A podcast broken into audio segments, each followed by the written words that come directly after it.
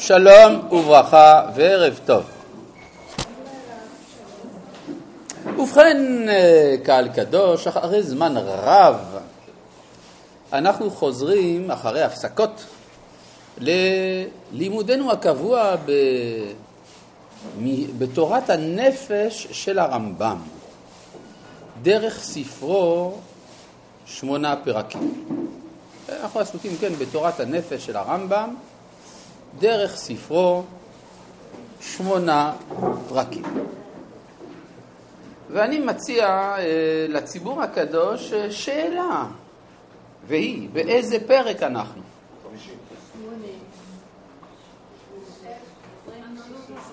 אז אם כן, נאמרו פה שלוש תשובות. יש מי שאמר שאנחנו הגענו אל פרק חמישי. יש מי שאמר שהגענו אל הפרק השמיני, ויש מי שאמר שהגענו אל הפרק השישי. אז יש לי בעיה, למי להאמין?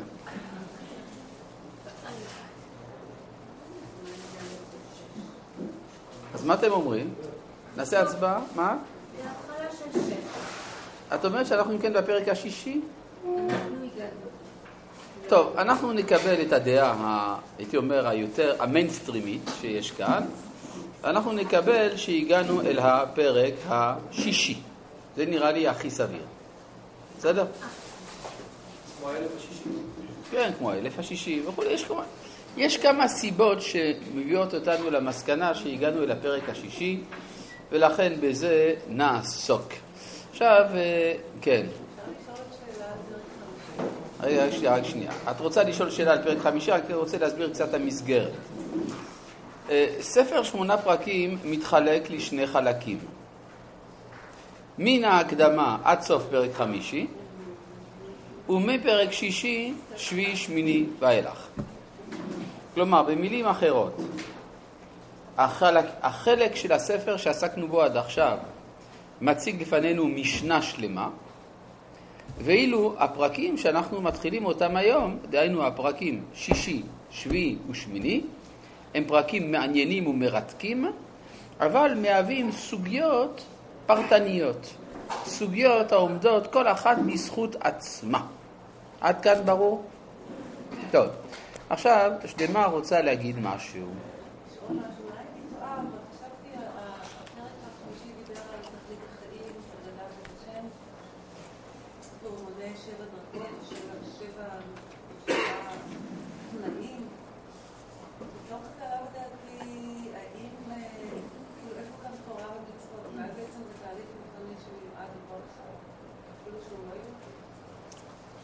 אני חוזר על שאלתך כי היא שאלה יפה והיא ראויה להתייחסות, ולא עוד אלא שהקול שלך לא חזק כמו שלי. ולכן, וגם הוא לא מופנה אל הקהל, אני פונה אל הקהל, ולכן מן הראוי שאחזור על שאלתך העמוקה. שדמה שואלת את השאלה דלהלן. בעצם בכל הפרק הזה, בכל הספר הזה, ראינו הדרכה מוסרית כוללת, איפה תורה ומצוות כאן? יותר מזה, בפרק רביעי כן הוזכרו המצוות, אבל הוזכרו המצוות מצד השפעתן על מידות הנפש. אז אם כך, האם הספר הזה מדבר אל יהודים או מדבר אל כל אדם, בין יהודי בין גוי? זאת השאלה שלך? מה התשובה, דעתכם? את אומרת לכל העולם. את מניחה. מה עוד? אתה גם כן אומר את זה. מה? יש את זה בעוד שפות. יש את זה בעוד שפות. זה לא אומר, יכול להיות ספר שהוא כתוב בשפה לא עברית והוא מיועד ליהודים בלבד. יש דברים כאלה. זה לא... לא הייתי מביא ראייה מהשפה, כן? הספר הזה הקדמה למשנה, המשנה זה תורה שבעל פה ומצוות שמיועדות לחברת אתה אומר מאחר וה... ואחר ושמונה פרקים זה הקדמה למסכת אבות, ומסכת אבות זה חלק מהמשנה, והמשנה זה חלק מתורה שבעל פה, ותורה שבעל פה זה ליהודים בלבד, מסקנה, שמונה פרקים הוא ליהודים בלבד. זו טענתך. אז אם כן, מצאנו כאן, בציבור היקר, שתי תשובות. אלה שאומרים שהספר הזה נועד ליהודים בלבד, ואלה האומרים שהספר הזה נועד לכל אדם באשר הוא אדם. אז מה האמת? כאן לא תהיה לי ברירה אלא להכריע. זה קורע אותי, אבל אין ברירה. התשובה היא שזה באמת ספר אוניברסלי לכל אדם. כלומר, התכנים שיש כאן הם תכנים כלליים של המוסר האנושי בכללו. בסדר? וכי זה עוסק באותו חלק של המסורת היהודית שנקרא דרך ארץ, ודרך ארץ קדמה על התורה. לפחות לפי דעת הרמב"ם. אף על פי שיכולת להקשות על דבריי ולומר, אה, הרמב"ם גם מדבר בפרק הזה על הנבואה, והנבואה זאת אה, מומחיות מקצועית של היהודים, לא? מה? מה? אלא מה? דת הרמב"ם היא שהנבואה איננה מיוחדת לעם ישראל. שהנבואה היא תופעה כללית באנושות, בניגוד לדעתו של רבי יהודה הלוי, אבל דת הרמב"ם היא שהנבואה שייכת לכל אדם באשר הוא אדם. יוצא לפי זה שהספר הזה ביסודו הוא ספר כלל אנושי. זאת הייתה כוונת המחבר? האם זו כוונת הרמב"ם, מה שאמרתי? כן. כלומר, אתה שואל, האם הרמב"ם מסכים לפירוש שאני נותן לדבריו? כן, אז זאת שאלה מעניינת. כלומר, אם אני, תראה, אם, ככה, היית שומע את הדעה שלי ודעה של מישהו אחר, היית שואל אדם שלישי, האם אני צודק או האחר צודק. אבל אם אתה שואל אותי אם אני צודק, אז ברור שלא תהיה לי ברירה אלא לומר לך שאני צודק, לא? כן. לא, באמת, אני חושב ככה. אז אני באמת חושב שהרמב"ם חשב את מה שאני חושב שהוא חשב.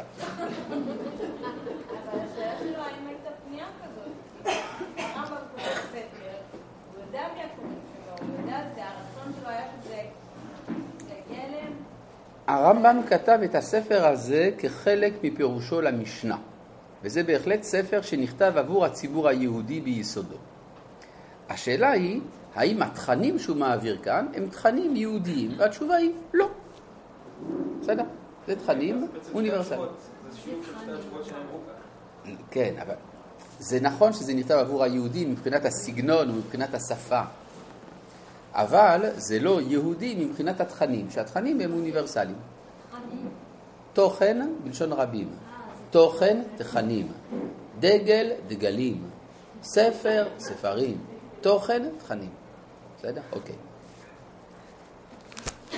עכשיו, אה, אחרי כל ההקדמות החשובות האלה, אני מציע שניכנס לעומקו של הפרק. פרק שישי.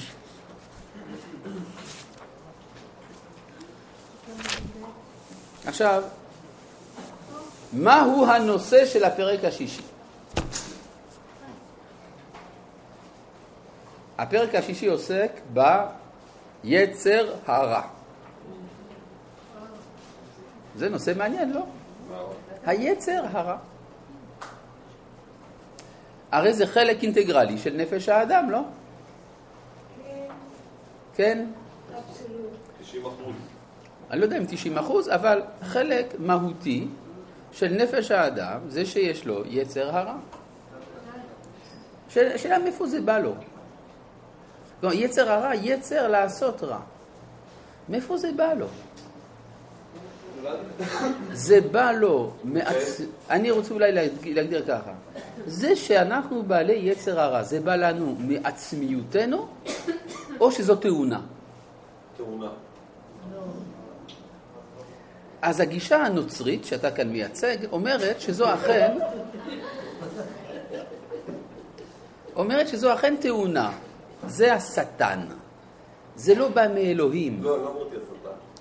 כן, אבל מה זאת אומרת תאונה? זאת אומרת, כאילו שהיצר הרע באדם זה מין דפקט, והיה יותר טוב בלי זה, אבל זה יש, זה מה שיש.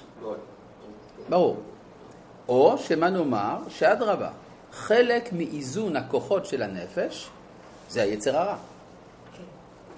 זאת אומרת, האם יש יחס חיובי אל היצר הרע של האדם או לא? זאת שאלה עמוקה מאוד. יש לי יצר הרע, האם אני צריך להתבייש בזה? האם אני צריך להצטער על זה? או שמא אני אומר, אדרבה, אלה הם חלק מכוחות החיים ויש להשתמש בהם, השאלה היא איך. ברור? העמדה היהודית הקלאסית, זו שמופיעה בתלמוד, היא שאדרבה, היצר הרע זה דבר טוב. כן? איך נאמר? בבריאת האדם, כתוב בבריאת החיות, וייצר השם אלוהים את כל חיית השדה. איך כתוב וייצר? ו', י', צדיק, ר'. בבריאת האדם, וייצר השם אלוהים את האדם, שם כתוב ו', י', י', צדיק ר', שני יהודים. אמרו חכמים, כי באדם יש שתי יצירות, יצר הטוב ויצר הרע. ללמדך יוצא לפי זה, שלפי חכמים היצר הרע זה חלק מהבריאות של האדם. כלומר, אם אנחנו נגלה אדם שאין לו יצר הרע, אנחנו ניקח אותו מיד או לרופא או לפסיכולוג, כי הוא בסכנה. כן? כלומר, זה חלק מאיזון הנפש. כן, בבקשה.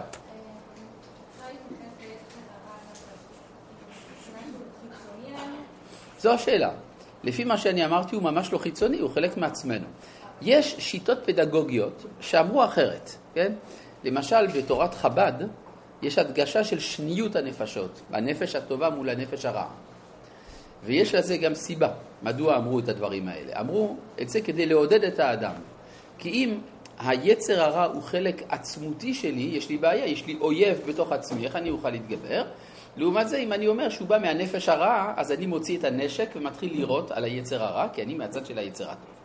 אז זה, מצד שני, יש דווקא צד הפוך, שאם זה אני עצמי היצר הרע, אז זה נתון בידי.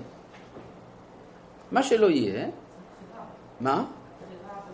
כן, יש בחירה. השאלה היא, אם היצר הרע הוא דבר כזה טוב, כפי שאני אמרתי, אז למה הוא נקרא רע? כן, כלומר, לא, זה לא בסדר. כלומר, זה אפילו מעליב. יש לאדם יצר הרע, ואתה אמרת שזה דבר טוב, ואתה קורא לו רע. כן? יש פה מקום לדיון. כן? למשל, אם יש באדם טוב ורע, ובלי הרע הזה האדם לא יכול להתקיים, אז אה, נשאלת השאלה, מה, מה, מתי זה, היצר הרע הופך להיות רע? נגיד ככה, יש לי יכולת אני יודע לשבור, כן? לכל אדם, אני חושב, יש כישרון לשבור. זה טוב או רע? תלוי מה אתה שובר, נכון? אתה יכול להשתמש בכוח השבירה לרעה, אתה יכול להשתמש בכוח של השבירה לטובה. יוצא לפי זה שהכוחות שאנחנו קוראים להם כוח יצר הרע, הם לאו דווקא רעים. אבל אז מתי הם רעים? כשהם מנהלים את החיים.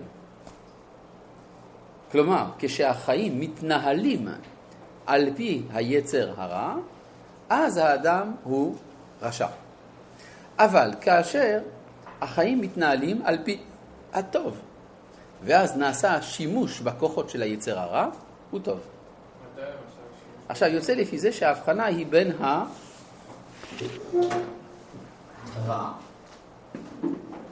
הטבעי לבין ה... רשע. האם שמתם לב שבמילה רע ובמילה רשע יש אותיות משותפות?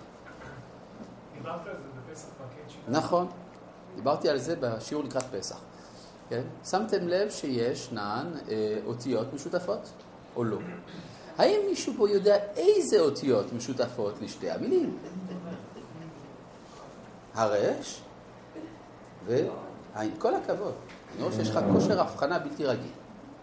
כן, השין, על מה מורה האות שין? האות שין מורה על אימוץ. אני מאמץ את הרע בתור המוביל. מצאנו את זה בפעלים שיש בהם תוספת שין. יש לכתוב, יש לשכתב, יש להיכנע ויש לשכנע. ברור? יש לחוות, יש להשתחוות. השין מורה על חיזוק, על אימוץ הרע בתור הכוח המוביל. ולכן, על מנת לתקן את הרשע, אומרת ההגדה של פסח, ולכן אתה צודק שאמרתי את זה לקראת פסח, מה עושים לרשע? הכהה את שיניו. צריך להוריד לו את השין. ואז הוא חוזר לרע הטבעי, ועם הרע הטבעי אפשר להתמודד. כשהרע הופך להיות האידיאולוגיה, אז הוא נהיה הרשע. עד כאן מובן? טוב. אז אם כך, אנחנו צריכים כאן להתבונן ביצר הרע. כן, בבקשה.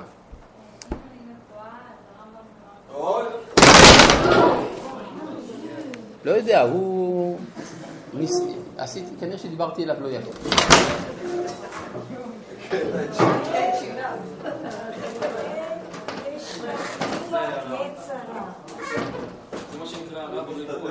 אגב, אתם יכולים לספר על מויפת, כן? הנה הרב עושה מופתים והכל, כן?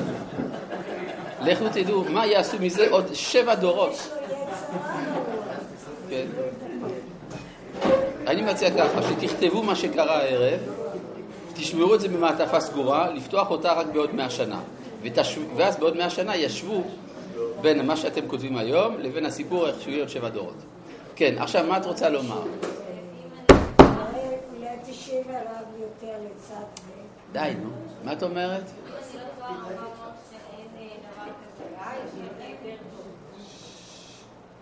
זה לגבי, השאלה אם לרע יש מהות חיובית. כן, זו שאלה אחרת. כן, נכון. לא, זו שאלה יפה. לא, זה, זה שהאמירות האלה שהיו בימי הביניים, שהרע זה רק ההיעדר של הטוב, זה נאמר במסגרת המלחמה נגד השיטות הדואליסטיות.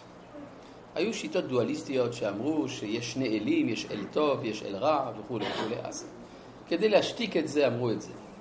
אבל זה, זה, המחשבה הזאת היא, עם כל הכבוד, קצת שטחית. כלומר, אנחנו רואים שיש במציאות זרימ, זרימה עצמותית של רע שפועלת בעולם. צריך לדעת איך מתמודדים עם זה. עכשיו, נשאלת השאלה, כשאני אמרתי שהיצר הרע זה טוב, האם כל יצר הרע הוא טוב? האם אין איזו השחתה של הנפש לפעמים? האם אין לפעמים ריקבון שגורם שהאדם בעצם יש לו נפש רע? זו שאלה, נכון? למשל אדם שיש לו יצר אדיר לרצוח, או שיש לו יצר אדיר לאנוס.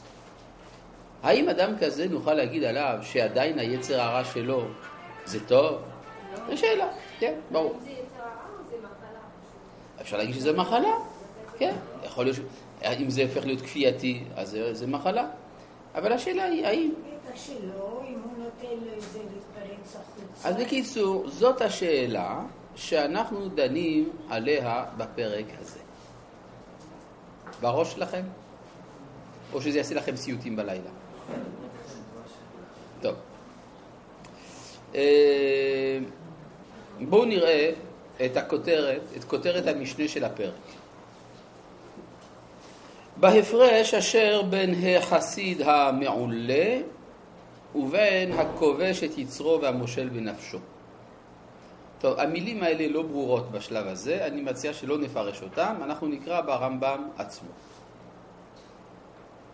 אמרו הפילוסופים, כלומר המקור הראשון שאנחנו נשתמש בו כדי לברר את מהות היצר הרע זה דברי הפילוסופים. איפה? הנה יש לכם פה למטה הערה. זה לקוח מספר המידות, מאמר ז', פרק י"א. מה זה ספר המידות? מה? לא, אתה לא יודע? ספר המידות זה האתיקה אל ניקומקוס, מאת אריסטו. כן, האתיקה אל ניקומקוס. אריסטו כתב שני ספרי אתיקה, אחד אתיקה אל אוידמוס ואתיקה אל ניקומקוס. היותר מפורסמת זה האתיקה אל ניקומקוס, והיא נקראת גם ספר המידות. טוב, אמרו הפילוסופים שהמושל בנפשו, אף על פי שעושה המעשים הטובים והחשובים, הוא עושה אותם והוא מתאווה לפעולות הרעות ונחשף עליהן ויכבוש את יצרו ויחלוק עליו בפעולותיו. על מה שיראו אליו כוחותיו ותאוותו ותכונת נפשו, ויעשה הטובות, והוא מצטער בעשייתם וניזוק. וניזוק? וניזוק. אה, אה, זה לא דבר. התרגום שאתה מחזיק איננו התרגום שאני מחזיק. מה אני אעשה? כן? אתה מחזיק במהדורת שי למורה, שהיא מין ניסיון של עיבוד לעברית פופולרית. זוועה. זה לא יודע אם זה זוועה, זה, זהו נתון. בסדר. עכשיו, בקיצור, אני שוב מתרגם מדברי הרמב"ם. הרמב"ם אומר שיש דבר כזה אדם שהוא מושל בנפשו. מה זה מושל בנפשו? יש לו נטייה לעשות הרע, אבל הוא מתגבר. והוא לא עושה את הרע, הוא עושה את הטוב. איך נקרא אדם כזה? צדיק. הוא צדיק. צדיק? כן. אולי נשאל אתכם שאלה, מה ההגדרה של צדיק? מי שעושה טוב ולא עושה טובה. יפה מאוד. אני חוזר על התשובה שלך. הצדיק הוא מי שעושה את הטוב ואינו עושה את הרע. האיש הזה, המושל בנפשו, עושה את הטוב? עושה את הטוב. עושה את הרע? לא. אז אם כן, מה הוא? צדיק, מה שהיה להוכיח, נכון? כלומר, המושל בנפשו הוא אחד מסוגי הצדיקים. בבקשה, אדוני. אה, צדיק.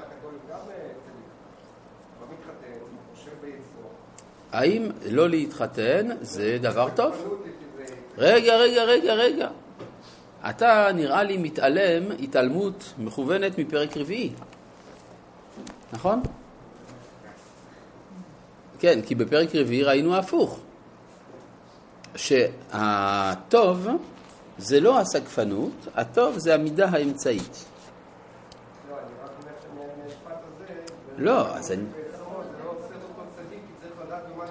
לא יצרו, רגע, אני עוד לא יודע מהו הדבר שאתה קורא לו רע. אתה החלטת שהיצרים הרעים זה דווקא יצר המין. הרמב"ם לא אמר את זה. כיוון שהוא... מה? כי הרי על מה... אה? לא משנה, כלומר, כל הדברים שהם פונקציות טבעיות נחשבות בעיני הנצרות לרע. ולכן הכומר, כשהוא גובר על יצרו, הכוונה שהוא גובר על טבעו. אבל מי אמר שזה מה שבאמת צריך לגבור עליו? כלומר, האם חיים של רעב, ללא יחסי אישות, האם הדבר הזה זה טוב? לפי היהדות זה רע, נכון? טוב, כן, בבקשה. כן, אתה.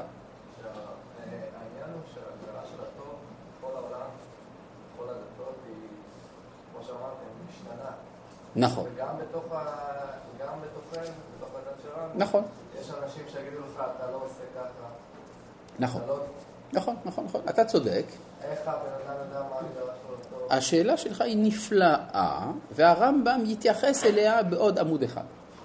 בסדר? אני יודע שאני נורא מעצבן, כי אני הולך לאט. אבל למה שאני אטריח את עצמי להסביר דברים שהרמב"ם בעצמו יסביר בהמשך? כן, בבקשה. לגבי השלטון בנפש, נגיד השפה עם העשר אולי קודם כל לקבל אה, תקנות אה, במציאות עצמה או קודם במחשבה? תחזור על השאלה, לא הבנתי אותך. אבל באמת. הד- הדרך למשול בנפש היא לקבל החלטות שרירותיות לגבי המציאות, זאת אומרת, אני לא עושה את זה ואת זה ואת זה, אבל צריך קודם כל לדבר עם התודעה. לפי מה שלמדנו בפרק שני, נראה לי שהכל תלוי ברצון. והתודעה היא שימוש אפשרי, אך לא הכרחי. יש מי שמחליט ברצונו החופשי להכפיף את התנהגותו להכרה השכלית, ויש מי שאינו מחליט כן. לכן בסופו של דבר הכל חוזר אל הרצון. הכל חוזר אל הרצון, לבריאות ולבריאות. בסדר? אפשר להמשיך? טוב, הלאה. אז אם כן, יש לנו צדיק סוג ראשון, אנחנו נקרא לו צדיק אחד, לבריאות, לבריאות.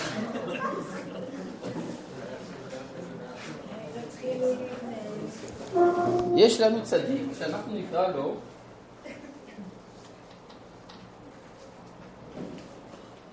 צדיק מספר אחד, והוא המושל בנפשו.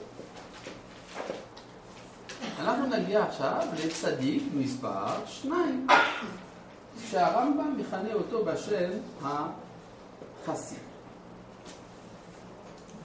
מה זה החסיד? אבל החסיד הוא שנמשך בפעולתו אחר מה שתראהו תאוותו ותכונתו, ויעשה הטובות והוא מתאווה ונחשף עליהן. במילים אחרות, המושל בנפשו חי במלחמה, ואילו החסיד חי בהרמוניה. אין לו מלחמה בקרבו בין הטוב לבין הרע, יש לו משיכה טבעית, או הייתי אומר ספונטנית, אל הטוב.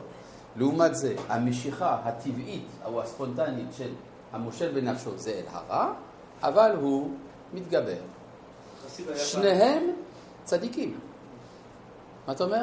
חסיד היה פעם צדיק? לא, הוא צדיק. הנה, כתוב כאן, צדיק שתיים. הוא היה פעם צדיק אחד? אינני יודע. אני פה מצלם מצבים, בסדר? יש מצב של אדם שחי במלחמה, ויש אדם שחי בהרמוניה. שניהם צדיקים, כי שניהם עושים את הטוב ואינם עושים את הרע, רק שלאחד יש מלחמה והוא צריך להתגבר על הרע שבו, והשני, הוא לא צריך להתגבר, זה בא לו בקלות. מה אתה אומר? מי עדיף? זה בדיוק השאלה שאנחנו נדון בה כאן. כן, בבקשה. כן, בעל התניא יש לו טרמינולוגיה אחרת. בעל התניא מכנה את הראשון בשם בינוני, ואת השני הוא מכנה אותו בשם צדיק. בסדר? זה במינוח של חסידות חב"ד. כאן אנחנו לומדים לפי המינוח של הרמב"ם. בסדר? הלאה. ובהסכמה מן הפילוסופים. עכשיו, פה אתם שואלים כולכם את השאלה החשובה, מי עדיף? אומר ככה הרמב"ם, ובהסכמה. האמת היא שאנחנו צריכים לבדוק אה, על פי איזה סמכות אנחנו נקבע את הדברים האלה. זה שצריך להתגבר הוא היותר מעניין ויותר חזק. אה, את, את, מה, את אוהבת יותר את זה שצריך להתגבר. הוא צריך להפעיל את עצמו, את הכוח שלו, נגד משהו. לא אז אנחנו. נכתוב פה את הדעה שלך גם. אנחנו נכתוב אותך כאחת הדעות, בסדר? כלומר, אנחנו נראה מה דעת הפילוסופים, מה דעת הנביאים, מה דעת הנביאים, מה דעת חז"ל ומה דעת ורה. אז ורה אומרת שהמושל בנפשו, כן, שהמושל עדיף על החסיד. בסדר? יש לנו כן ארבעה מקורות, חכמינו זיכרונם לברכה. כן.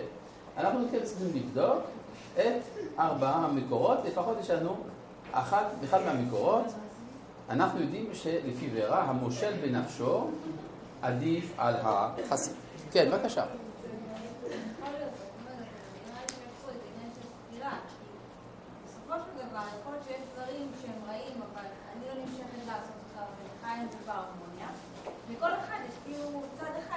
אה, זה כבר שאלה, זהו, יכול להיות שאני, את צודקת, כלומר, יכול להיות שאני בדברים מסוימים חסיד, זה הולך לי קל, ויש דבר- בדברים אחרים אני מושל בנפשי, כי זה הולך לי בקושי.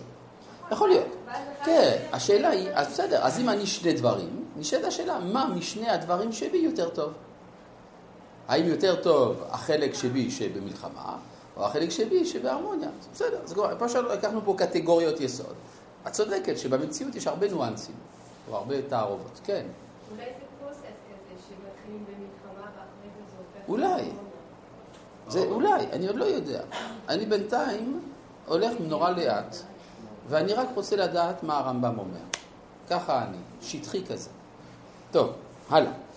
אומר הרמב"ם, ובהסכמה מן הפילוסופים, כלומר הפילוסופים מסכימים, שהחסיד יותר חשוב ויותר שלם מן המושל בנפשו. כלומר, הפילוסופים חולקים על ורה, והם אומרים שהחסיד עדיף על המושל. למה הם אומרים את זה? כן? אבל אמרו שהמושל בנפשו כחסיד בעניינים רבים. ומעלתו למטה ממנו בהכרח. מדוע? להיותו מתאווה לפועל הרע. ואף על פי שאינו עושה אותו, מפני שתשוקתו לרע היא תכונה רעה בנפש. זאת אומרת... לחסיד אין תשוקה לרע? נכון, החסיד אין לו תשוקה לרע, הוא משתוקק אל הטוב. והוא עושה את הטוב, אז הוא חי בכיף. מצד אחד הוא רוצה, את, הוא עושה מה שבא לו, אבל מה שבא לו זה הטוב. מצד שני, המושל בנפשו הוא במלחמה מתמדת. אומרים הפילוסופים, החסיד עדיף. מדוע? משום שההשתוקקות של הנפש, של הדבר הרע, זה דבר רע. אבל שניהם רוצים את הטוב. שניהם רוצים את הטוב, אבל הם לא משתוקקים לאותו הדבר. יש הבדל בין הרצון לבין ההשתוקקות. השתוקקות זה מה שמתחשק לי לעשות. רצון זה מה שאני עושה בפועל. יכול להיות שאני ברצוני אעשה ההפך מההשתוקקות. למשל, אדם משתוקק לעשן, אבל הוא לא מעשן. מדוע? כי הוא לא רוצה. למרות שהוא משתוקק. רק היום שמעתי את יעל דן מראיינת אדם שהחליט מזה שבועיים שהוא לא מעשן. למרות שיש לו השתוקקות אדירה לעשן. נכון. מדוע שמעתי את יעל דן? הרדיו היה פתוח, מה אני יכול לעשות? הלאה. אה, ממשיך הרמב"ם. וכבר אמר שלמה המלך עליו השלום כיוצא בזה. הנה, מביא כאן פסוק ממשלי. נפש רשע עיוותה רע. ואמר בשמחת החסיד במעשה הטוב. והצטער מי שאינו, עושה, מי שאינו צדיק בעשייתה. זה המאמר. שמחה לצדיק עשות משפט, ומחיתה לפועלי עוול. זהו הנראה מדברי הנביאים נאות למה שזכרו, שזכרו הפילוסופים. כלומר, הנביאים, אומר הרמב"ם, הם אומרים כמו הפילוסופים שהחסיד עדיף על המושל. אם כן, יש התאמה בין אחד לשתיים. עד כאן רואים שהנביאים והפילוסופים אמרו דברים דומים. וכאשר חקרנו דברי חכמים בזה העניין. עכשיו הרמב"ם מתעניין מה חז"ל אומרים. נמצא להם שהמתאווה לעבירות ונחשף עליהם הוא יותר חשוב ויותר שלם מאשר לא יתאווה עליהם ולא יצטער בהנחתם. כלומר, חז"ל וור"ה הולכים ביחד. הם שניהם אומרים שהמושל עדיף מהחסיד. אם כן, אנחנו רואים סתירה. זה שיש סתירה בין הפילוסופים לחז"ל לא אמור להפתיע אותנו. זה לא פעם ראשונה שחכמינו אומרים דברים אחרים או הפוכים מדברי היוונים. אבל יש פה בעיה. רבותינו והנביאים בדרך כלל מסכימים, נכון? לא מצאנו שחז"ל יחלקו באופן גלוי נגד הנביאים. והנה כאן אנחנו רואים במפורש שהנביאים וחז"ל אומרים הפוך. מה נעשה? מה? מה? את אומרת ככה, שהנביאים היו חסידים, אז הם פשוט קידמו את עצמם, וחז"ל היו מושלים, ולכן הם קידמו את עצמם. זה אפשרי. זה בהחלט מקובל מאוד במחקר האקדמי במדעי היהדות, להגיד שמישהו אמר את הדעה שלו מסיבות סובייקטיביות. למשל, מדוע אה, רבי עקיבא אמר על שיר השירים שהוא קודש קודשים?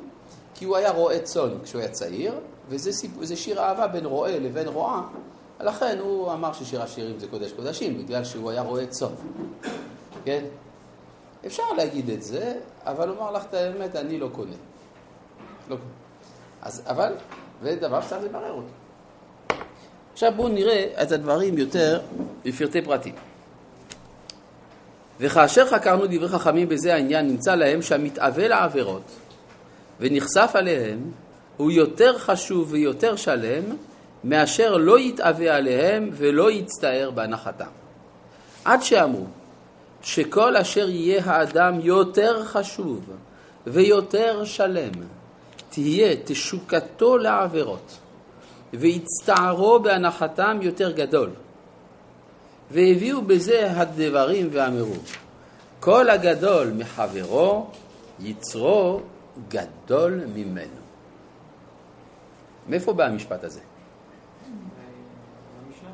מהמשנה? לא נכון.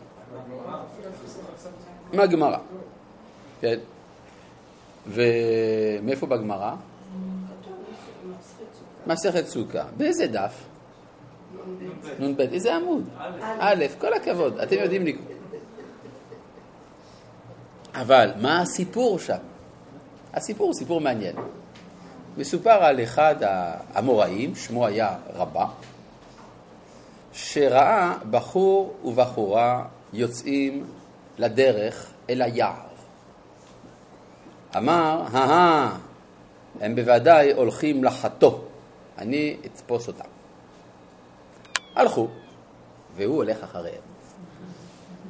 ובאיזשהו שלב ישבו מאחורי שיח, דיברו וחזרו הביתה.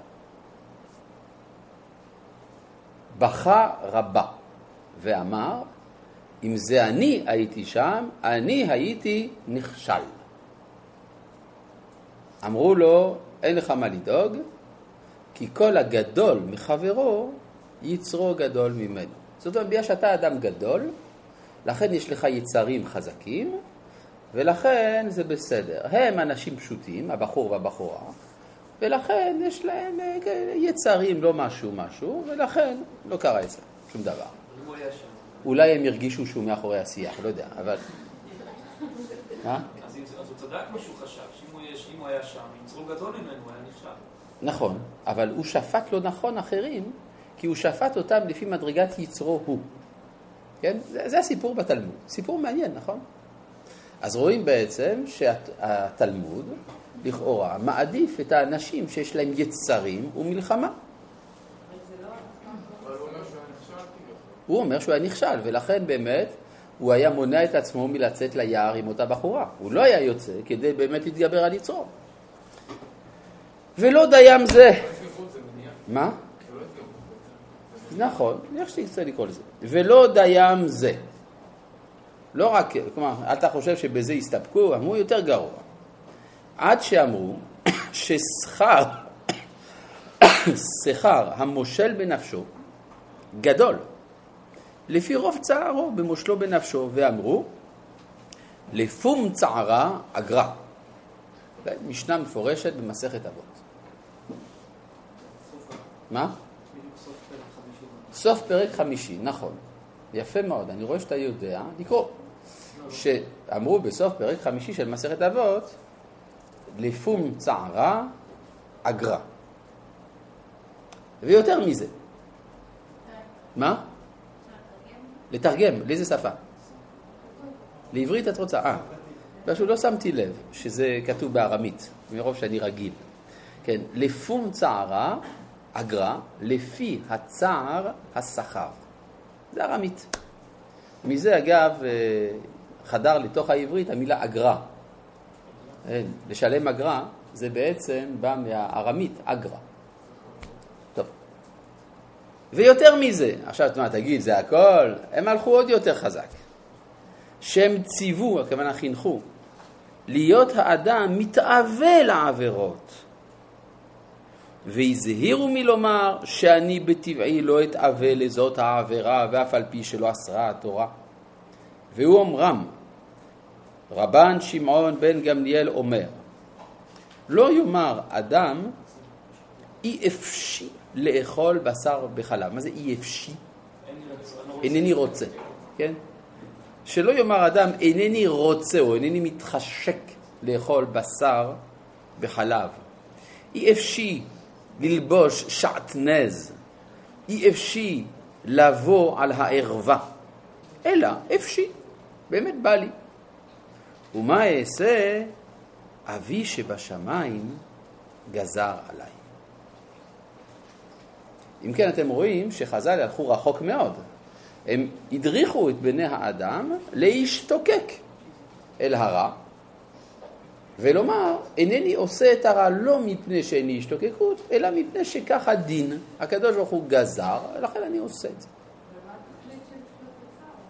אז לכאורה מה התכלית לחיות בצער? לכאורה, מה זה מזוכיזם? נכון. בינתיים אנחנו רק בהצגת העניינים. אחר כך אנחנו נראה שזה קצת שונה. אומר הרמב"ם, ולפי המובן מפשוטי שני המאמרים בתחילת המחשבה, כלומר במבט ראשון, הם סותרים זה את זה. כלומר, דברי חז"ל סותרים, כלומר דברי חז"ל וברא, סותרים את דברי הפילוסופים והנביאים. שהפילוסופים והנביאים מדריכים את האדם לחיות בהרמוניה פנימית, ואילו חז"ל וברא אוהבים יותר את האנשים שיש להם מאבק פנימי והם מתגברים. נכון? זהו. אז יש לכאורה פה סתירה.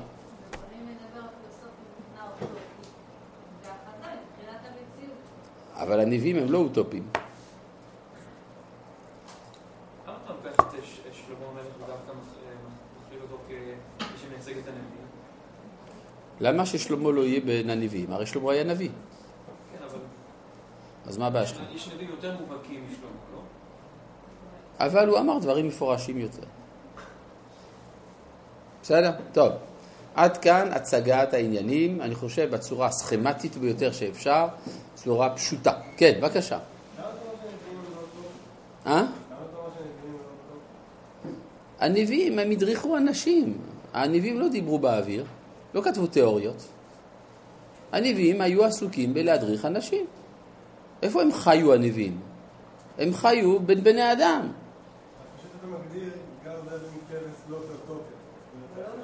וגר זאב עם כבש זה לא הדרכה.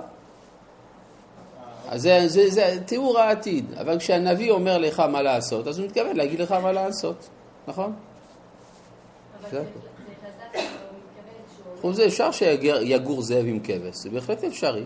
אתה קושר את הזאב, קושר את הכבש, אז זה בסדר. גר זאב עם כבש, כן. מה?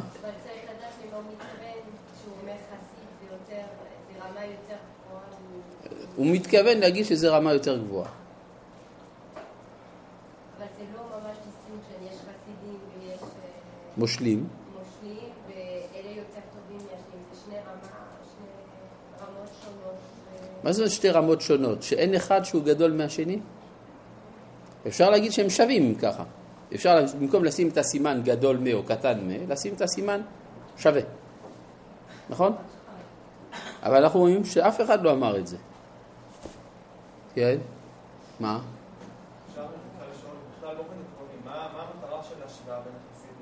יפה. זו ש... לא לא. נגיד, נגיד. נאמר ככה. ההשוואה, אולי... כן. כן, לכאורה מה זה משנה? לא כן. לא אחד הוא כזה, מה תגיד, מה יותר טוב, כן? להיות בלונדינית או שחורה? מה זה משנה? השאלה היא איך לצבוע את השיער אולי, כן? זאת אומרת, בעצם, אני חושב שהמשמעות היא פה עמוקה יותר. לאן אני צריך לכוון את עצמי? כלומר, אם אני נמצא במצב של חסיד, האם זה טוב, או שמה אני צריך, צריך אדרבה, לעורר לעצמי התמודדויות. או להפך, אם אני במצב של התמודדויות, האם אני צריך לשאוף אל ההרמוניה או לא? זאת השאלה. בסדר? אני חושב שזה... מה? מי אמר שזה מטבעו? לא, לא, לא, לא, לא, לא, רגע, רגע, רגע. אתה הכנסת פה מילים שלא לגמרי ברורות. אמרת טבעו. השאלה אם זה טבעו הבכירי, או שזה טבעו הכפוי עליו. וגם אם זה טבעו. נגיד שיש לאדם אה, שתי ידיים, יש אדם אחר שנולד עם יד אחת.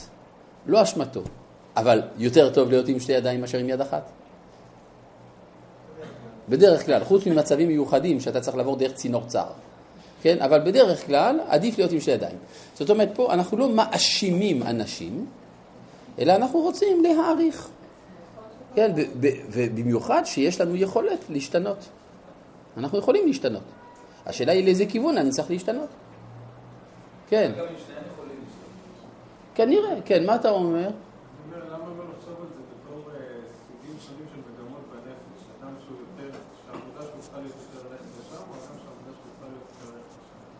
אתה בכלל מציע, אם כן, שזה עניין של שורש נשמה. כן. זה אפשרי, זה מתאים למקובלים לדבר ככה. כן? כלומר, חכמי הקבלה בוודאי היו מסכימים איתך. חכמי הקבלה הם אנשים מאוד רחבי אופקים.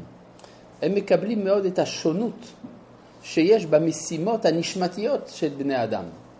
יכול להיות שאני ואתה עושים את אותו המעשה, אבל המעשה הזה אצלי הוא בעל משמעות אחרת מאשר אצלך, לפי התיקון שאתה צריך לתקן, או לפי השליחות שיש לך בעולם וכדומה. נכון? בהחלט. אני מקבל את זה. רק שהרמב"ם לא אומר את זה. אבל זה מעניין לדעת שאצל המקובלים בהחלט יש כיוונים כאלה. כן. אתה אומר, הצעה חדשה. במצבים מסוימים עדיף להיות חסיד, במצבים מסוימים עדיף להיות מושל. ואז יוצא שהנביאים דיברו במצב מסוים וחז"ל במצב אחר. אבל אז יש קושייה, היינו צריכים למצוא את שני סוגי המאמרים, גם אצל הנביאים וגם אצל חז"ל. והנה, אצל חז"ל מצאנו רק מאמרים מהסוג הזה, ואצל הנביאים רק מאמרים מהסוג, מהסוג הזה. דיברנו על זה פעם שהנביאים דיברו על המוות תמיד על הגדול, וחז"ל תמיד נתנו את ההלכה ויותר... אה, יכול להיות. לא. יכול להיות. יכול להיות. כלומר, אתה אומר שבכלל הנביאים באו בשביל מטרה אחרת לגמרי. שהנביאים באים לדבר על הרעיון הגדול, ואילו חז"ל הם פרגמטיים. הם רואים את האדם בהתמודדות שלו עם היצר הרע. אולי. כן.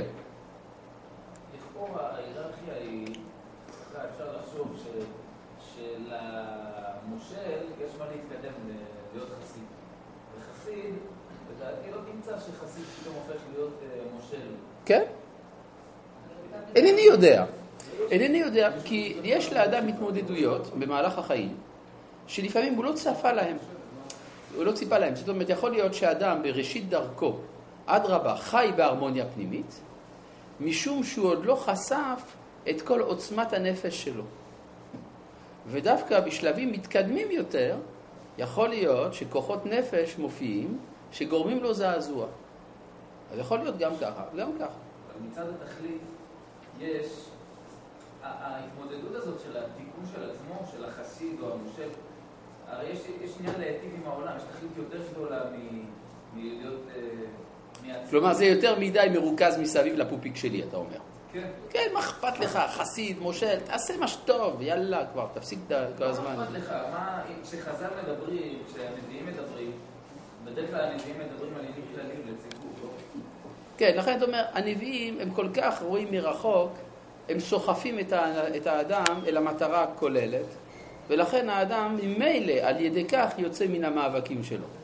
כן, יש בזה משהו אמיתי, אגב, שהרבה פעמים האדם נמצא במאבקים פנימיים, כי הוא כל הזמן מתעסק בעצמו. מתחיל לדבר על דברים יותר גדולים, על אחרים לפחות, אז הוא כבר שוכח מהבעיות שלו, נכון? נכון, יש, יש בזה הרבה מן האמת. כן. אגב, אני רואה אגב שאתם עושים מאמצים רבים כדי להשתיק את הרמב"ם, אבל לא אכפת לי, יאללה, דבר. רציתי להגיד שאולי מבחינת... נראה לי זה אני. כן. מבחינת כלל הציבור, זה נראה שעדיף מושל, מאחר ויש, יכולה להיות תקשורת, אה, הם יכולים להזדהות עם מושל, יש איזושהי אה, דו-שיח איתם, אבל עם, חסידים זה נראה כמו מישהו מנותק מה, מהציבור. לכן אני חושב שזו גם הסיבה שגם אה, יהודה... אתה אומר, אתה יודע מה, אתה אומר, בגלל שאנשים חולים, אז עדיף להיות חולה. זה מה שאתה אומר. לא, אנחנו רוצים לדעת מה האמת. כן, בבקשה. הרמב"ם מביא דוגמה משלמה, ודווקא שלמה יש לו אה, היסטוריה קצת בעייתית בנושא הזה, לא? אז מה? שהיו לו תאוות נשים, אז מה? כאילו, לא רק שהוא לא היה חסיד, הוא גם היה מושל. לא, אז מה? לא, מושל הוא היה. אולי זה אחרי, לא, היה בסדר גמור. מהבחינה הזאת, הוא לא עשה שום רע. וזה שהרבה נשים? הרבה נשים, אבל כולם, הוא קידש אותם כדת משה וישראל. היו לו אלף טבעות, זה בסדר. בטח גם לא רב איתם. מה? בטח גם לא רב איתם. כן, הוא התנהג יפה בבית, הכל. אבל זה נכון שבנפש...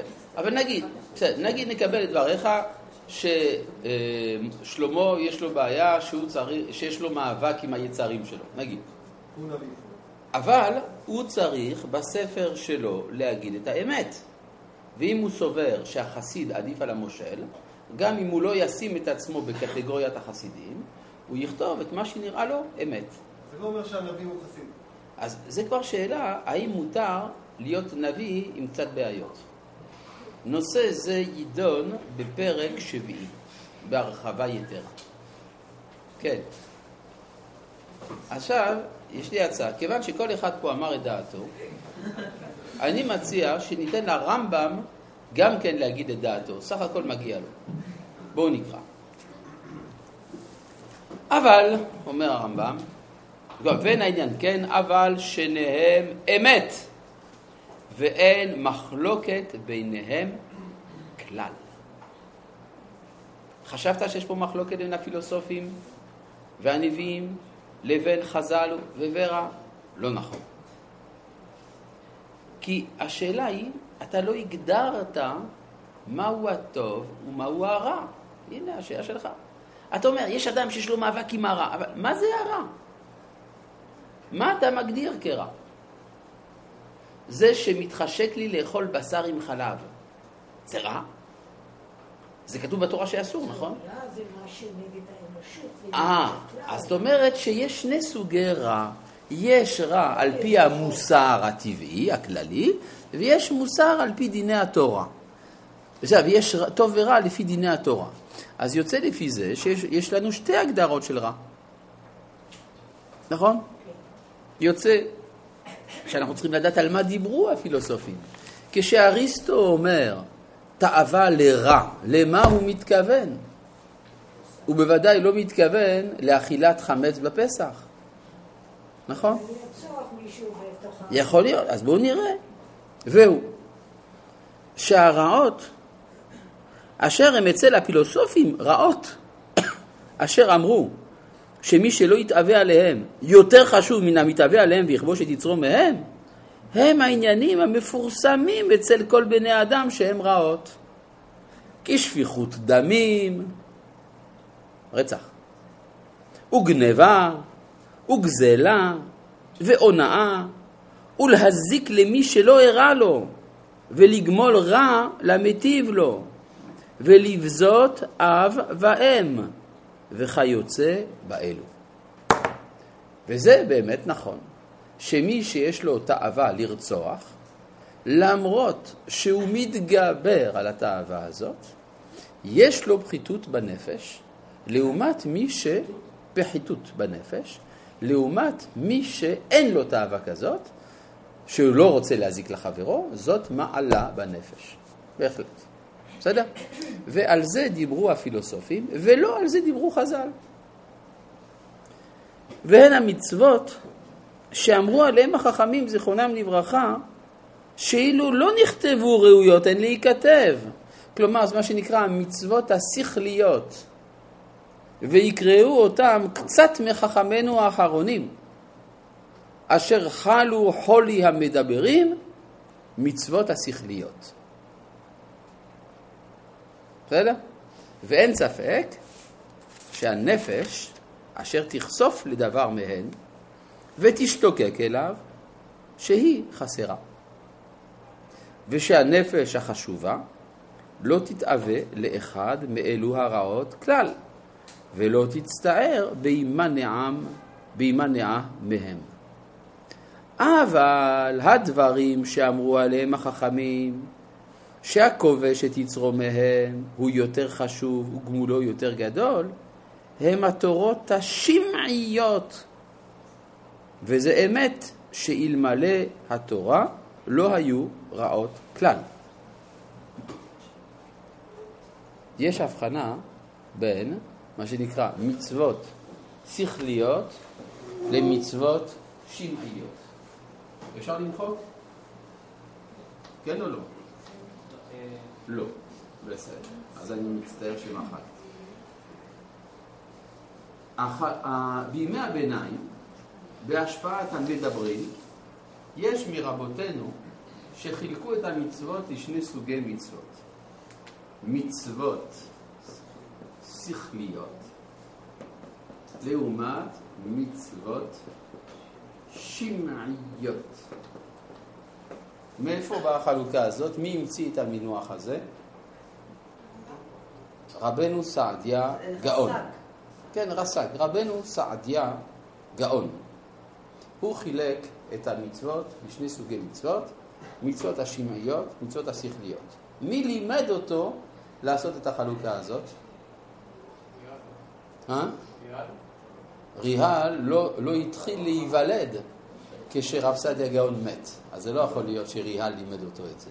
רבי יהודה הלוי, ריהל, למד את זה מרב סעדיה גאון. אני רק שואל מאיפה רב סעדיה גאון למד את זה. אם אתה אומר שבא לנו שזה מושפע מדברים על זה, לא תמיד. בא לו מאלוהים? לא. מחובות הלבבות. בעל חובות הלבבות, רבי יוסף אבן פקודה, חי אחרי רבנו סעדיה גאון. אז אני שואל, מאיפה רבנו סעדיה גאון למד לחלק את המצוות בצורה כזאת? לא יודעים? נכון. מהמדברים. מי זה המדברים? המותקלמים, כן? זה תרגום של הכת הנקראת מותקלמים, מותקלמים או חכמי הכלם. זו מילה פילערבייה, נכון? כלם. חכמי הכלם הנקרא מותקלמים, או בתרגום של אבן תיבון נקראים המדברים, הם אלה שחילקו את המצוות, איזה מצוות? של הקוראן לשני סוגי מצוות. מצוות שכליות ושמעיות. הרעיון הועתק על ידי רבנו סעדיה גאון, והוא העביר אותו ליהדות. בסדר? עכשיו, המצוות הנקראות, שכ- עכשיו הרמב"ם מקבל את החלוקה, רק הוא לא... סליחה, הרב, אתה יכול לתת איזה דוגמה? כי שנייה. רק שהרמב"ם לא אוהב את, ה, את האימוץ של המינוח, אבל הוא בעצמו אומר שהמצוות האלה, השכליות, הן אלה שנקראות בתורה בשם מצוות, ואלה הנקראות שמעיות, הן הנקראות בתורה בשם חוקים. כן? כלומר, זה במינוח של רב סעדיה גאון, זה במינוח של התורה, מצוות וחוקים. מה זה מצוות שכליות? למשל, ורה, את רוצה דוגמה, נכון? כן. למשל, לא תגנוב. זו מצווה שכלית. כל אדם בעל מוסר טבעי מבין שזה לא יפה לגנוב. נכון? גם בלי תורה. לעומת זה, שכל? אני בכוונה התחמקתי מלתת תשובה ברורה, וכי יש על זה הרבה מה לדון, אבל באופן כללי זה מה שנקרא מפורסמות. מקובל באנושות בכלל שלא גונבים, בסדר? אני לא יודע ממתי זה מקובל, יכול להיות שאם אנחנו נחזור אחורה אל הפרה-היסטוריה, אנחנו נופתע קצת, אבל באיזשהו שלב, בנפש האנושית התקבלה האמירה שלגנוב זה רע, ושצריך לכבד את ההורים. כל הדברים האלה הם דברים שנקראים מצוות השכליות, או המפורסמות. לעומת זה, זה שאסור לאכול ארנבת. אסור לאכול ארנבת. המוסר הטבעי בינינו מבדיל. אולי אדרבה, יותר טוב לאכול ארנבות מאשר פרות? כי הרי אכילת הפרה זה שופך הרבה דם, ארנבת זה מעט דם, לא יודע, משהו. אז זה המצוות השמעיות מלשון משמעת, שאני עושה אותן מצד המשמעת של הדת, בסדר? זה פקודה, כן? הפקודות לא השתנו, אומר מדליק הפנסים בנסיך הקטן. נכון? לא, באמת.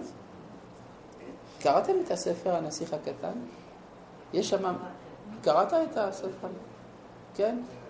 לפני הרבה זמן. יש שם כוכב לכת קטן, ששם יש מדליק הפנסים. מכירים אותו? מדליק הפנסים, יש לו פקודה. להדליק את הפנס בתחילת הלילה, לכבות את הפנס בסוף הלילה. זו עבודה קלה. רק שבינתיים הכוכב לכת שלו, שהוא כוכב קטן, הולך ומסתובב הרבה יותר מהר מאשר פעם. והפקודה לא השתנתה. ועכשיו כל 20 דקות הוא צריך להדליק, לכבות. להדליק, לכבות. החיים שלו ממש לא חיים. אבל מה אפשר לעשות? פקודות זה פקודות. והפקודה לא השתנתה. ברור. ושם אומר הנסיך הקטן, הוא האיש שהייתי יכול להסתדר איתו יותר טוב מכולם, אבל כוכב הלכת שלו כל כך קטן. למי הכוונה שם? מי זה מדליק הפנסים? אתם לא יודעים? זה היהודי. זה היהודי. יש לו כוכב לכת אבל קטן מדי. זה צער היהדות. אי אפשר. עם קטן, לא... זה. וגם הוא נאמן לפקודות. הפקודות לא השתנו, העולם השתנה, הוא נאמן. ומה הפקודה? לתת אור. כן, טוב. על כל פנים, אה, בואו נחזור לנושא שלנו. אומר אה, הרמב"ם, בואו נראה את זה בפנים. מה? תלוי איזה כוכב יהודי. הכוכב היהודי האורתודוקסי. כן? טוב, הלאה. אז אומר כאן הרמב"ם, וזה אמת, שאלמלא התורה לא היו רעות כלל. ומפני זה אמרו שצריך האדם שיניח נפשו אוהבת אותם, ולא יהיה לו מונע מהם, רק התורה. ובחן חוכמתם עליהם השלום ובמה שהמשילו. שהם לא אמרו, אל יאמר אדם, אי אפשי להרוג הנפש, אי אפשי לגנוב, אי אפשי לכזב, אלא אפשי, ומה אעשה אבי שבשמיים גזר עליי. אבל הביאו דברים שמעיים כולם, בשר בחלב, ולבישת שעטנז, ועריות. כלומר, כל הדברים האלה הם שמעיים. ואלו המצוות וכיוצא בהן, הן אשר כרעם השם יתברך חוקות. בבקשה. אה? יש שכל באריות, בייסורי עריות. מהו השכל? למשל, לפי ההלכה, אדם, אסור לו לקחת לאישה את, אה, את אשת אחיו. כן? אח שלו התחתן והתגרש. האם מותר לו לקחת לאישה את גרושת אחיו? מה ההלכה? אסור, נכון? ואם אחיו מת ולא השאיר ילדים, מה הדין? מצוות ייבום. אז איפה השכל פה? בסדר? אה? אה, בסדר, אז צריך, לא אמרתי שאין שום היגיון, אבל אפשר להתווכח, בסדר? כלומר, יש צד כזה, צד כזה, בסדר. עכשיו, השאלה גם איזה עריות, למשל משכב בהמה, האם גם זה ייקרא בכלל המצוות השמעיות, או שזה כבר נכנס לגדר של השכליות? אתה אומר בשכליות, למה? תלוי בתקופה. מסיבה פשוטה, שהרי אדם הוא לא בהמה. כן? אפשר להגיד, גם את זה להגיד. אבל זה לא כל כך פשוט, אני לא יודע מה היה בתקופה הפרה-היסטורית, כן? או פה נכנסים כבר לשאלה יותר עמוקה, משכב זכור, הומוסקסואלי, כן? שעל זה גם כן אפשר להתווכח, האם זה בכלל השכליות או בכלל השמעיות. הרמב"ם פה לא עשה חילוק, הוא קרא לכולם שמעיות. אבל ייתכן, אם אנחנו ניכנס לפרטי פרטים של דיני עריות, יכול להיות שבחלקם, חלקם אנחנו נשייך אותם לשכליות וחלקם לשמעיות. למשל, לא לזנות עם אשת חברו. זה כבר בגדר השכליות או בשמעיות? זה כבר בשכליות, כי זה כמו לגזול אותו, כן? הפסד כזה, בגידה, חוסר נאמנות וכדומה. כן, כן, בבקשה.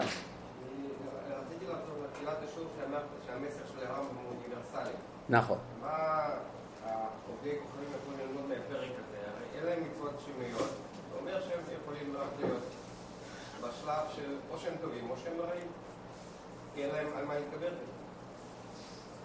התוכן של הספר הזה הוא תוכן אוניברסלי. והוא בדיוק מה שהרמב"ם הסביר לנו כאן. כי לפי הרמב"ם, מה באמת יותר טוב, החסיד או המושל? עכשיו שקראנו את זה. ברור שלפי הרמב"ם החסיד הוא, הוא הטוב יותר. כלומר, הרמב"ם מקבל את ההנחה של הפילוסופים, שיותר טוב לחיות בהרמוניה וללא מאבקים, מאשר לחיות עם מאבקים. ולכן הוא מצמצם את כל דברי חז"ל לחלק של התורה שאיננו אלא מצד המשמעת. וזה יכול להימצא בכל חברה. בכל חברה יש חוקים שאינם מבטאים את הנטייה הטבעית של האדם, אלא נאמנות לאיזושהי נורמה, בין שהיא דתית, בין שהיא סתם משפטית. בסדר? כן, לא. זה לא ככה את אומרת. למה? כי המאבק הוא חשוב, והדרך אל ה- אל הדבר, זה לא ה product אחר כך, אלא מה שמביא אותך לקראת הדבר, זה היקר. כן. ההתקוממות שלך נג... אני, הבנתי.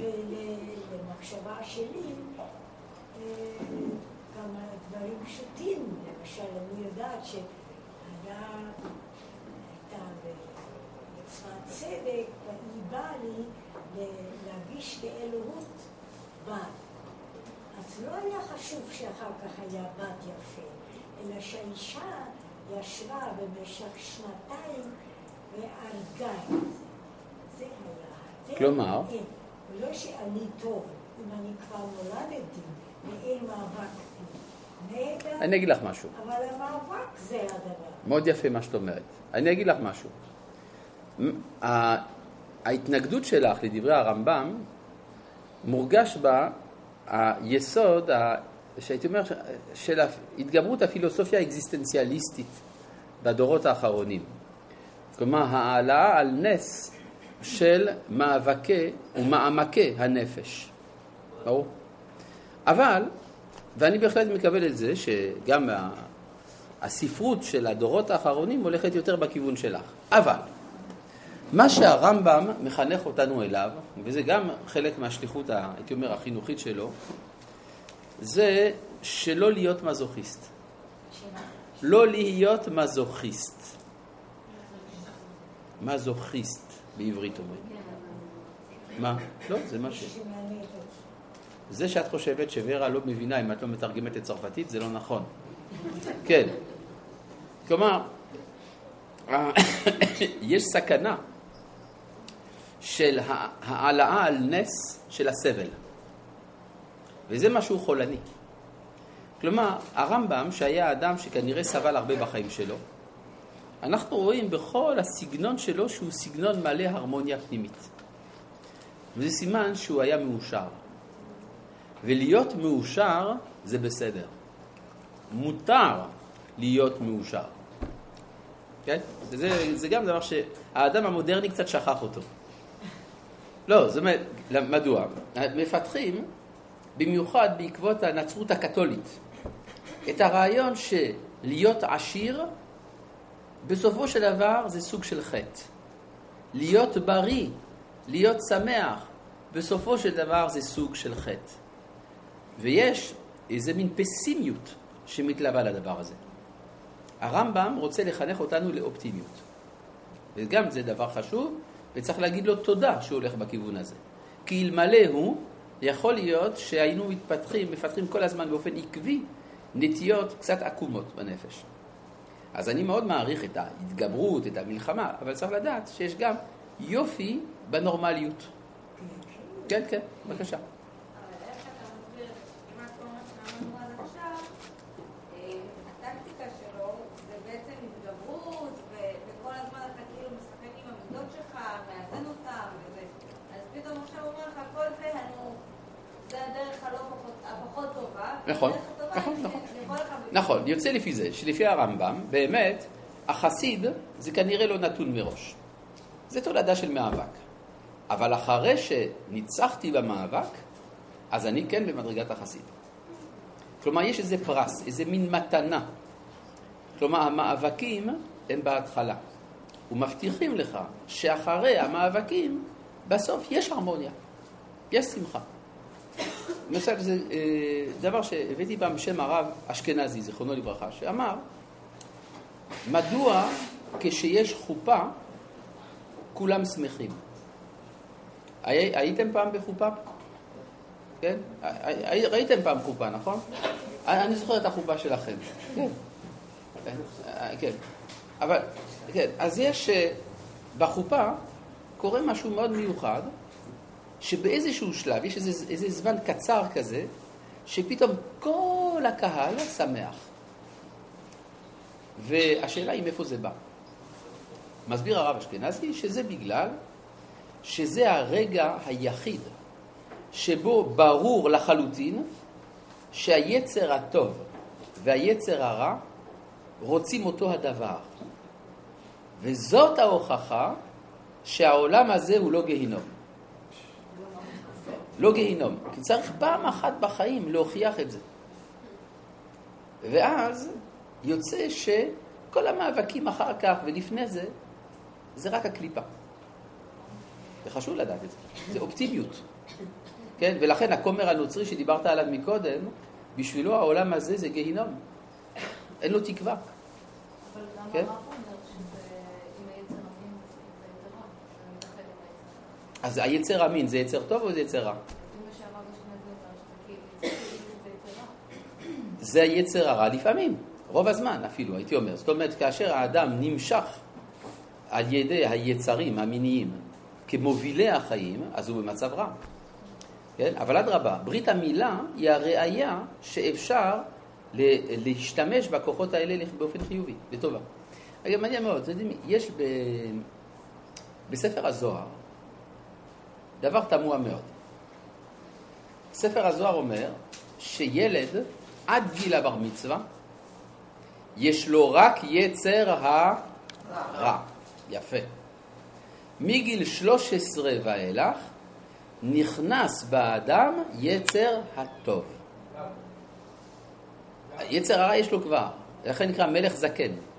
כן, הוא כבר מזמן שולט באדם, בגיל 13 נכנס באדם יצר הטוב. ועכשיו אני שואל אתכם, מהו היצר הטוב שנכנס באדם בגיל 13? יצר המין. יצר המין. יוצא לפי זה שזה מה שהזוהר מכנה יצר הטוב. ואני אסביר למה. בגלל שזה האפשרות להעניק חיים. ואין דבר יותר טוב מאשר לתת את החיים. מה שאין כן, הילד עד גיל 13, מה הוא? הוא חתיכת אגואיסט נוראה, כן? הוא כל כולו, רק הוא נולד, מה הוא רוצה? חלב, נדנוד, חום, אהבה, מוזיקה, החלפת חיתולים. ומה אתה מוכן לתת בשביל כל זה? אני לא אתן שום דבר. החיוך יצא לי בלי כוונה.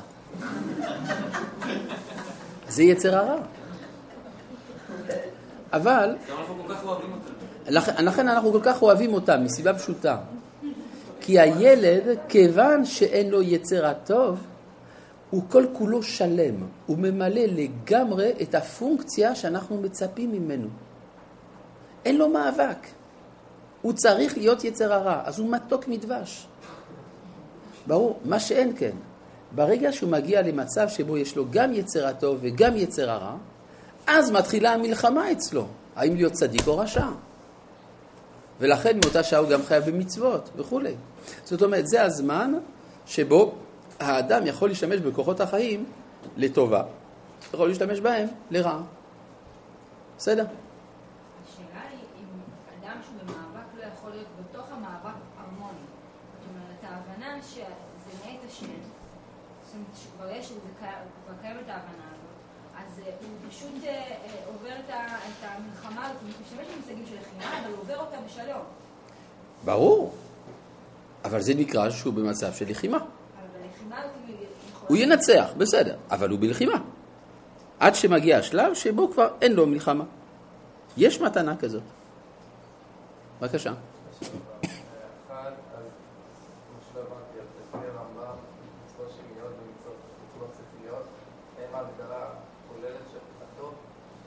לא, לא, לאו דווקא. כי המצוות השמיות, השכליות, סליחה, זה מעבר למצוות אפילו. זה שייך למוסר הכללי. כלומר, זה עוד לפני התורה. כן.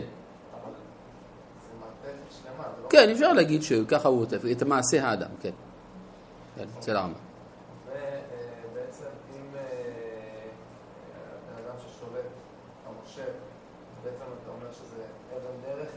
נכון, בדרך כלל נכון. חסיד. אז אה, זאת אומרת שיש משמעות לספר. אתה אמרת, הרמב"ם נותן לנו אופטימיות, אומר לנו... לא, ברור שיש יש משמעות, אבל אין תכלית. כלומר, זה לא יכול להיות אה, מעמד סופי, מעמד תכליתי. מה שאין כן לגבי המצוות השמיות, שהרמב"ם מסכים שאדם כל חייו יאהב בשר בחלב וישתוקק לזה, וזה בסדר גמור. עכשיו, אלא אם כן, הוא יעמיק בהבנה אה, שזה כל כך רע לעבור על דבר השם, שגם ההשתוקקות שלו אל החזיר, למשל, תיעלם. אבל זה שלב שהרמב"ם לא דיבר עליו. כן, כן בבקשה. כן, יצ- כך, ברור שלאדם הראשון היה יצר הטוב ויצר הרע. אבל מה ההבדל אחר כך שהוא ידע מה טוב ורע? מה? בשלב הראשון הוא הוא לא ידע מה טוב ורע. ודאי שהוא ידע מה טוב ומה רע. מה מה לא? נכון, זו שאלה טובה. את השאלה הזאת שואל הרמב"ם במורה נבוכים, חלק ראשון, פרק שני. והוא עונה שעולמו של אדם הראשון, לפני החטא, היה עולם מאוד ברור, שבו אי אפשר לדבר על טוב ורע, אלא על אמת ושקר. זאת אומרת, ההבחנות בעולם שלו היו הבחנות מוחלטות. מה שאין כן, בעולמנו, שנפלנו מאמת ושקר לטוב ורע, יש מרכיב סובייקטיבי שמתערב בהגדרות של טוב ורע. מובן? בסדר. אה, אם כן, אומר כאן הרמב"ם, ואמרו רבותינו זיכרונם לברכה, אני קורא כאן בשורות האחרונות של הפרק, חוקים שחקקתי לך, אין לך רשות להרהר בהם. ועובדי כוכבים משיבים עליהם, והשטן מקטרג בהם, כגון פרה אדומה ושעיר המשתלח וכו'. ואשר קראו אותם האחרונים שכליות, יקראו מצוות כפי מה שביארו החכמים. כן, הוא שוב חוזר פה לירידה שלו העדינה על רבנו סעדיה גאון. כן. לא שומע. אין לה נפש נטייה? למה? שעטנז זה בד כל כך יפה. אני מת ללבוש את הבד הזה. אה? למה? למה? אתה יודע כמה שזה טעים בשר חזיר? למה? זה שמנוני כזה, ורוד. מה?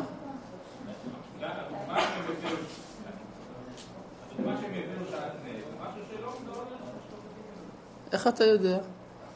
אני אגיד לך משהו. אה, שעטנז זה בד יפה מאוד, כי הוא מערב את, ה, את הברק של הפשתן עם החום, גם ביופי של הצמר. אז ודאי שאדם רוצה לערב. לא? ככה הוא כותב. האמת היא שבגדי הכהונה היו עשויים משעטנז. כנראה שזה נחשב למפואר. אני זוכר יותר מזה, שעטנז, החוטי, חוטי הפשתן הם חזקים. חוקי, וחוטי הצמר הם חלושים אבל עבים. ולכן עושים ככה את רוב השטיחים. בשטיחים יש תשתית של חוטי פשתן והציור מחוטי צמר. אבל ודאי שאדם משתוקק לזה. זו שאלה. כן. מה? יש, יש. שמותר זה- לא שומע? זה לא מותר בכלל. מה, שעטנז? שעטנז זה אסור. אסור שעטנז, כן. במשרות השמיות אם ככה, אז אה, לא לא שזה עדיף, רק ש... אתה יודע מה, אולי אפילו עדיף המאבק, כן, נכון. לפי הרמב"ם עדיף. מה? בגלל שזה יעורר אותך להפוך את השמעיות לשכליות. וכאן נקודת הסוד. מדוע הרמב"ם כל כך לא מרוצה מן החלוקה של רב סעדיה גאון? בגלל שלפי הרמב"ם, המצוות השמעיות זה לא שאין להם טעם. יש להם טעם, רק זה דורש ממך ללמוד. ולכן הרמב"ם אומר שאחרי שאתה תלמד את הטעם של החוקים, אז תפסיק גם להיות במאבק, כי אתה כבר לא תרצה לעבור על זה. בסדר? לפי הרמב"ם הרי יש הסברים לחוקים. הוא נותן אותם במורה נבוכים. כן. אני לא טועה גם הרמב"ם אומר שזה שתבין את הטעם, זה הכל בכפוף לזה ש- ש- שיש טעמים נשגבים, ושאתה אף פעם לא לא יודע, זו כבר שאלה גדולה בהבנת דברי הרמב"ם. אתה אומר על הרמב"ם בסוף הלכות תמורה, נכון? ששם, מה? לסבר את האוזן, לקרב רחוקים. אה, זה לא כל כך ברור. יש בס- בספר שלי על שמונה פרקים, יש נספח שדן רק בשאלה הזאת. ואני מראה שמה שכבר בימי הרמב"ם התווכחו בהבנת כוונתו בזה. אז מי אני שאני אכריע בין הדברים שלי לבין הדברים שלי בספר? טוב, הנה התבאר לך. הנה התבאר לך מכל מה שאמרנו, איזו מן העבירות יהיה מי שלא ישתוקק עליהם יותר חשוב מן המשתוקק עליהם וחובש יצרו מהם, ואיזו מהם יהיה העניין בהפך, וזה חידוש נפלא בהעמיד שני המאמרים. כלומר, אנחנו עכשיו רואים שאין סתירה בין מאמרי חז"ל ללשון הנביאים או הפילוסופים. ולשונם מורה על אמיתת מה שביארנו, וכבר נשלמה כוונת זה הפרק. ולכן אין צורך יותר בהמשך פרק שישי, ואפשר לעבור לפרק השביעי. מה רצית? לא היו לחז"ל אה, אה, הערות אה, לגבי התקופות הספריות, כמה שכותב בהרמוניה. לא שומע. מה, לא מבין, מה אתה רוצה? חז"ל, חז"ל דיברו פה על השמיות. נכון, הוא אומר שבמאמרים האלה דיברו על השמעיות. אבל בוודאי יש להם גם ציטוטים על אה, ספריות. נכון. נכון, יש, יש, יש. למשל, הדחן כיבוד אב ואם וכו'. כן. טוב, כן. לא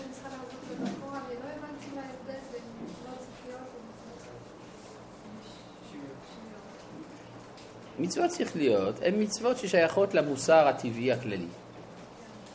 ומצוות שמיות זה מצוות שמצד המוסר הטבעי הכללי אינן רעות כלל, רק שזה רע בגלל שהתורה אסרה. אוקיי? עד כאן להיום, שלום.